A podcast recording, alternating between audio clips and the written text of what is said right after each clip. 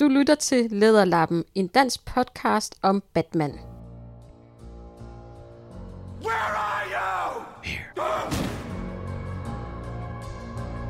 You can call me Joker. And as you can see, I'm a lot happier. It's over, Deadshot. I don't want to do this in front of your daughter.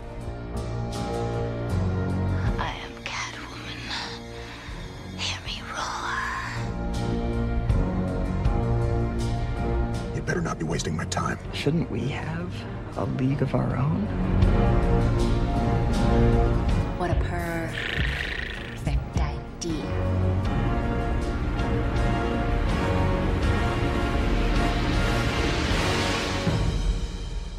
So you came back to die with your city. I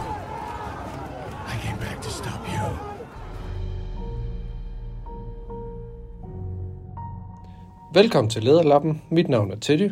For et stykke tid siden, der skrev jeg ud til nogle forskellige øh, Batman-grupper på Facebook for at høre sådan, jamen, hvordan startede deres, øh, hvad, skal, hvad, hvad skal man kalde det, fandom af Batman-karakteren og hele hans univers.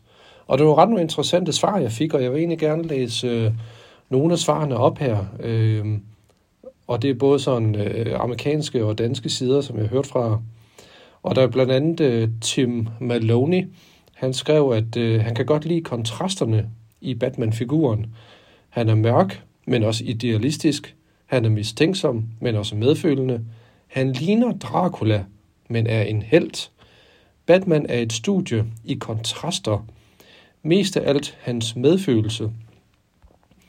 Batmans bedste øjeblik er, når han viser empati over for andre, og, og at han i den grad tror på den gode handling. I mange versioner er det der, hvor Batmans bedste øjeblikke opstår. Selv i filmen Batman og Robin sætter han en ære i at vise sig fra sin gode side over for indbyggerne i Gotham City. Fra de mørkeste begyndelser er der dukket en heroisk figur op.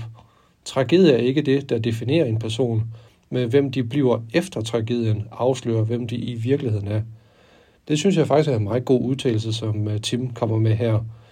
At øh, jeg synes, Batman nu til dags ofte kan blive betragtet for at være sådan en mørk figur, som øh, er meget øh, sadistisk og diktatorisk, fascistisk, vil, nogen måske også sige.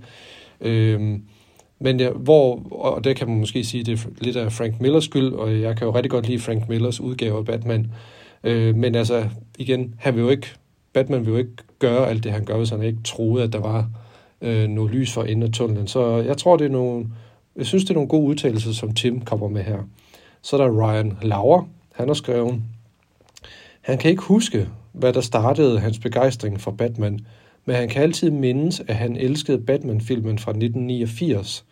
Han tror, at den film, tegneserie og den animerede serie altid har været i hans liv på en eller anden måde – så der er ikke en bevægende historie som baggrund til hans begejstring for Batman-figuren, kun at hans unge sind var fascineret af denne mørke, spøgende superhelt. Og, og det var fint nok, øh, uanset hvordan man kommer ind i selve karakteren. Altså, øh, for nogen så er det øh, filmene, for nogen så er det øh, tegne, øh, hvad hedder, tegnefilmene, og for andre er det simpelthen tegneserierne. Uanset hvad, altså, det er jo lige meget, hvad, hvad man øh, bedst kan lide. Øh, det er jo stadigvæk Batman, uanset hvad. Philip Barker har skrevet, for ham var det en kombination af den animerede serie og Batman Forever, som var med til at understrege hans begejstring for figuren i en ung alder. The Dark Knight var filmen, som viste ham, at Batman var i stand til at ramme folk, som ikke levede inde i superhelteboblen.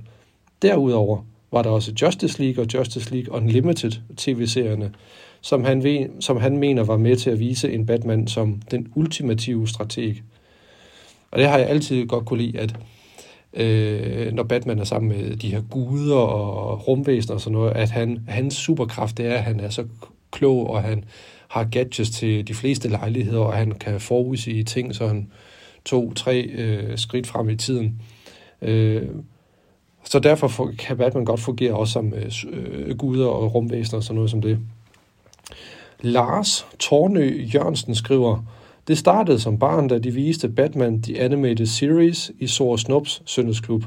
Det jeg godt kan lide ved ham er, at han ikke har nogen superkræfter, men bruger hans formue på at bekæmpe kriminalitet. Og så har han sagt god ven med projektet, fordi jeg skrev det jo i forbindelse med en podcast. Så tak for det, Lars. Og ja, Snor Snops søndagsklub. Snor Snups søndagsklub, det var meget svært at udtale. Hvem kan ikke huske det? Det var også sådan, jeg startede med at se, de se øh, Batman The Animated Series. Øh, jeg var faktisk gået lidt død på Batman på det tidspunkt, øh, selvom det var stadigvæk i en ret ung alder, men så kom den animerede serie og ligesom viste, at okay, det er faktisk ret god historie, det her. Henrik Thyr Jensen har skrevet, Jeg har været fan, siden jeg var knægt. Det, der fangede mig dengang og stadigvæk, var helten i det skjulte. Han var et rygte og en frygt blandt kriminelle. De senere års Because I'm Batman har dog givet fanskabet et par hak. Derfor søger jeg også alternative Batman-historier. Thomas Waynes Batman er en favorit. Nogle gange er der skurke eller helte, som overskygger Batman. En af mine absolut favoritfigurer fra DC er Red Hood, skabt af Batmans fejltagelser. En af mine favorit antihelte overhovedet. For, for at uddybe mit Because I'm Batman statement – de seneste år er den sætning blevet brugt som undskyldning forklaring til alt. Han blev endda en gud. Batman er en af de bedste, når han er forberedt, men det er ikke altid, han kan være det. Han har ingen superkræfter, så derfor må han kompensere. Det er også derfor, jeg kan lide Ben Affleck som Batman i Batman v Superman, som ellers er en horribel film. Because I'm Batman gør ham simpelthen for vild. Med hensyn til anbefalingen, det er det bedste i Arkham-serien, og Arkham-serien er fantastisk. Og ja, det jeg glemte jeg lige helt at sige. Jeg spurgte faktisk også om, hvad, hvad de kan anbefale af gode titler. Så anbefaler han, øh, Henrik anbefaler Arkham, øh, øh, hvad hedder det, computerspillene, som jeg ikke har spillet, men jeg har selvfølgelig set nogle øh, walkthroughs og sådan noget som det. Eller hvad hedder det, play, playthroughs. Og øh, jeg elsker også øh, øh, selve historien og... Øh, og, øh, og stilen i de der i de videospil. Men jeg synes til Henriks udtalelse om det der med øh, Because I'm Batman, ja, men jeg vil også øh, give ham ret i, det er lidt søgt, at øh, Batman kan forberede alt, bare fordi han er Batman. Øh, der skal selvfølgelig være en god forklaring på det, hvilket jeg synes mange øh, øh, desværre vælger at overse, at øh, som for eksempel i Dark Knight Rises, hvor jeg, øh, så er det som, hvordan kan han øh, komme så hurtigt øh, tilbage til Gotham City efter at have landet i det hul der, og øh, hvordan har han tid til alt sådan noget der. Altså det vil sige, det er jo ikke sådan noget, der... Man har jo set to film tidligere, hvordan han er god til at, at, at gennemføre nogle ting, og han har alle mulige øh, forskellige, øh, øh, hvad skal man sige, baser rundt omkring i byen. Så altså, der, der er nogle ting, som man overser, som han kan ikke gøre det bare fordi han er Batman, men han kan gøre det, fordi at øh, han forbereder sig godt. Morten Stig Jensen skriver, altså, min ældste hedder Bruce af en grund, og den yngstes mellemnavn er Wayne. Ved ikke, om det dækker nok ind. Jo, Morten, det må man sige, det gør, så du er stor fan af Batman. Du har et, åbenbart, kan jeg se, to børn. Den ene hedder Bruce, til fornavn, og den yngste hedder Wayne som navn. Det skulle godt gå. Øh, der er forresten også, øh, jeg er medlem af en, øh, en, øh, en filmgruppe, men også en, en, der er også en, en podcast, der hedder Holy... Ja, du kan, ja, det er sgu et godt spørgsmål. Nu kan jeg sgu ikke engang huske det. Det er lidt pinligt. Holy Badcast hedder den. Øh, og der er en af værterne har fået en pige, og hun hedder Harley. Så altså, øh, der er mange, der, der, der døber deres børn efter Batman-karakterer, og det er sgu øh, fedt nok. Jeg synes, det er godt gået.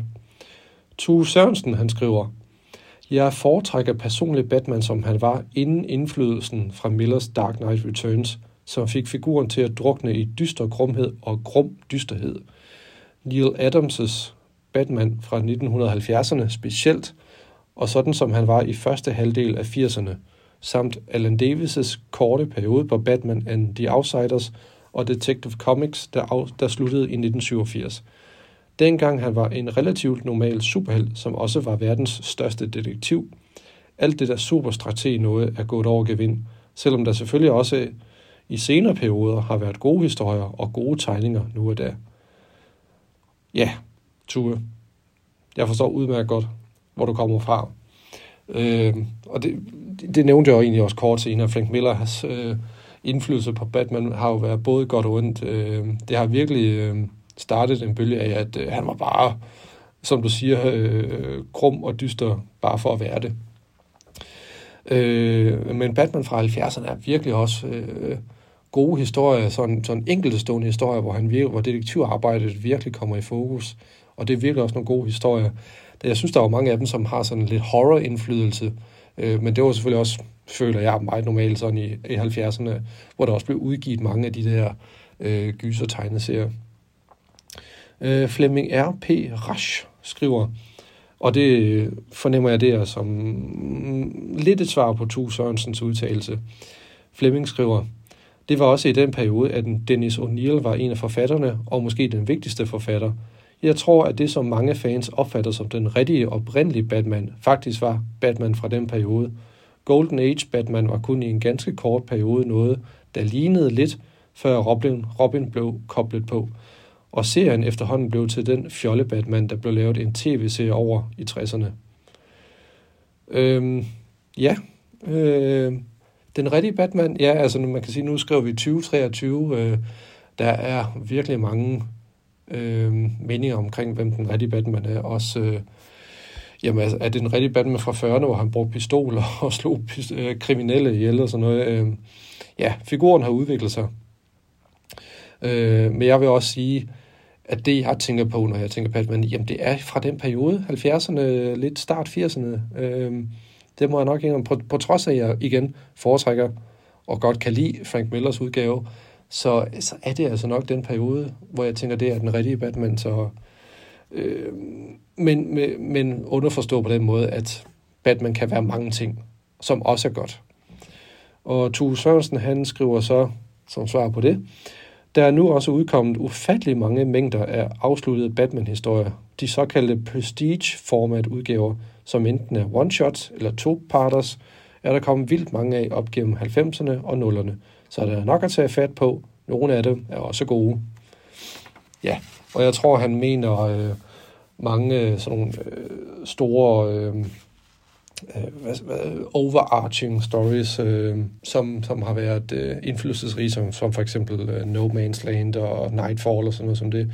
Men der har selvfølgelig også været nogle, øh, nu skriver han selvfølgelig også one-shots, øh, dem har der været mange af. Øh, nu kan jeg selvfølgelig ikke lige huske nogle enkelte titler, men altså ja, Year One og Year 2 har der selvfølgelig været, øh, altså sådan noget som det, som også har, har øh, haft en stor indflydelse så øh, ja, så der er nok at tage fat på, som, øh, som øh, Tue også skriver historie. Men øh, ja, altså, altså der var jo ikke nogen medvært den her gang, men altså jeg havde alle de her kommentarer fra de øh, flinke mennesker, som skrev øh, svar på mit spørgsmål, og de var jo ligesom medværter, kan man så sige. Så øh, jeg vil bare sige tak for den her omgang, og så ses vi om forhåbentlig ikke så lang tid igen. Hej hej. Where are you? Here.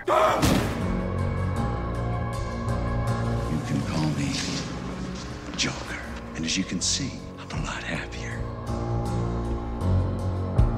It's over, Deadshot. I don't want to do this in front of your daughter.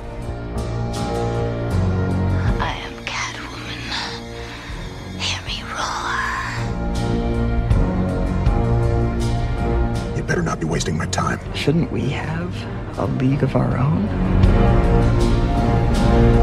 What a perfect idea.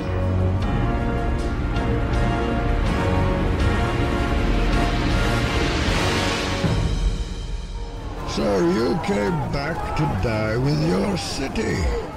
No.